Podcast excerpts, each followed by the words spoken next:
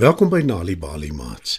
Vanaand se storie Jaco en die haarkapper is geskryf deur Ndidi Chiazor en Enmore. Skryf dit nader en spit julle oortjies.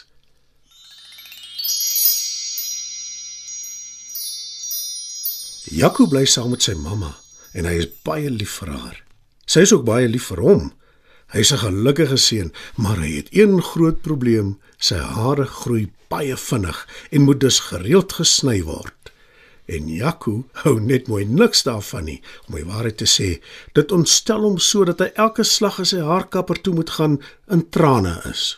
Ek wil nie my hare laat sny nie. Klaai elke keer. En dan praat mamma mooi. Sy beloof hom dit sal nie so erg wees nie. Sy druk hom styf vas en sy probeer haar bes om hom te oortuig dat om sy hare te sny amper dieselfde is as tandeborsel of hande was.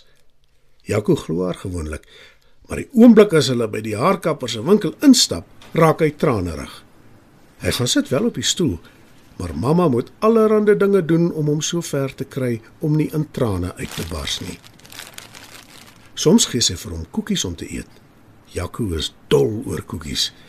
Maar dit werk nie so goed as wat sy mamma hoop nie, want hy vat die koekies gretig by haar, eet dit vinnig op en dan begin hy weer huil. Partykeer is mamma so moedeloos dat sy sommer begin dans om Jaco se aandag af te lei.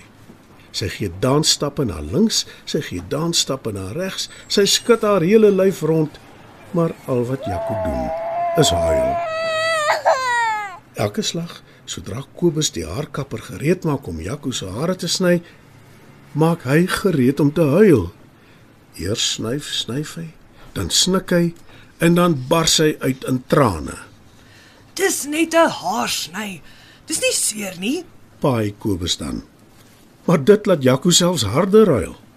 Soms probeer Kobus om vir hom te sing. Ander kere stamp hy sy voete op die grond op maat van die lied, maar dis alles te vergeefs. Eendag, terwyl Kobus besig is om sy hare te sny, huil Jaco so hard dat die mense wat in die straat verbyloop in die winkel inkom om te sien wat aangaan. Maar dit pla Jaco glad nie. Hy huil voort. Hy huil en hy huil totdat Kobus sy hare klaar gesny het. Op 'n ander dag huil hy so hard dat ouma Betty met haar kierie ingehinke pink kom. Sy bly langs die haarkapper se winkel en die gehuil het haar middagslaapie versteur. My genade. Sê ouma Betty en sy snak na haar asem. Ek was oortuig hier is iets verskrikliks aan die gang. Nou sien ek dis net 'n haarsny. Kan jy dit nou glo? Sê sy en sy stap kopskuddend terug na haar blyplek toe om vir Jaco 'n lekkerny te gaan haal met die hoop dat dit hom sal stil kry. Sy het heerlike pastye gemaak en sy bring vir hom een, Ek is seker dit sal hom stil kry. dink sy. Sy gee vir Jaco die pasty. Hy eet dit gulsig op, maar begin dadelik weer huil. En ouma Betty is verstom. Die dag na Jaco se haarsny en nadat sy mamma hom huis toe gevat het, maak Kobus vir homself 'n koppie tee. Toe gaan sit hy en hy dink en hy dink. Hy is vas van plan om 'n oplossing te kry vir die probleem, want so kan dit beslis nie aangaan nie. Na 'n hele ruk verhelder sy gesig en hy roep opgewonde. Ek het dit. Ek het 'n oplossing vir die probleem. Die volgende keer toe Jaco se mamma hom bring vir haar sny, tel Kobus sy skêr op om te begin sny. Hy sien Jaco maak reg om te begin huil, maar Kobus spring hom voor en hy begin hom vir hom 'n storie te vertel. Daar was eenmal 'n seun wat niks daarvan gehou het dat sy hare gesny word nie. Hy het dus sy hare laat groei omdat hy nie na 'n haarkapper toe wou gaan nie. sê Kobus. En hy sien sommer dadelik dat Jaco met belangstelling luister. Hy het ook nog nie begin huil nie. En Kobus gaan aan met sy storie terwyl hy Jaco se hare sny. Die seun se hare is later so gekoek dat dit onmoontlik geword het om dit te kam. En wat gebeur toe? Wil Jaco weet. Sy trane is vergete. Vliee en ander insekte het nes gemaak in die seun se hare. Vertel Kobus. Jaco se oë rek groot en hy vra: Wat het toe met hom gebeur? Die seun se kop het begin juk. Hy het gekrap en gekrap die hele dag lank. Maar dit het nie gehelp nie. Hy het naderhand probeer om sy hare uit sy kop te trek. Maar ook dit het nie gewerk nie. Sy kopvel het net al seerder en seerder geword. Verduidelik Kobus. Jaco kyk na Kobus en sê: Dit klink aklig. Wat het van die arme seun geword? Kobus kom agter Jaco voel baie jammer vir die seun in die storie. En hy gaan aan. Sy kop en sy hande was later bloedrooi.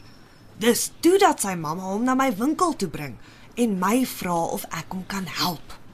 Die seun was so moedeloos en so desperaat dat hy sommer dadelik op die stoel geklim het. Toevallig dieselfde een waarop jy nou sit. Hy het vir my beduie ek moet hom asseblief help en sy hare sny. En weet jy wat, Jaco? Ek het vir hom die heel beste haarsny ooit gegee. Rarig. Wil Jaco weet. En Kobus antwoord: O ja, beslis. En toe ek klaar sy hare gesny het, nes ek nou joune klaar gesny het, was die seun so dankbaar dat hy my so waar omhels het. Kan jy dit glo?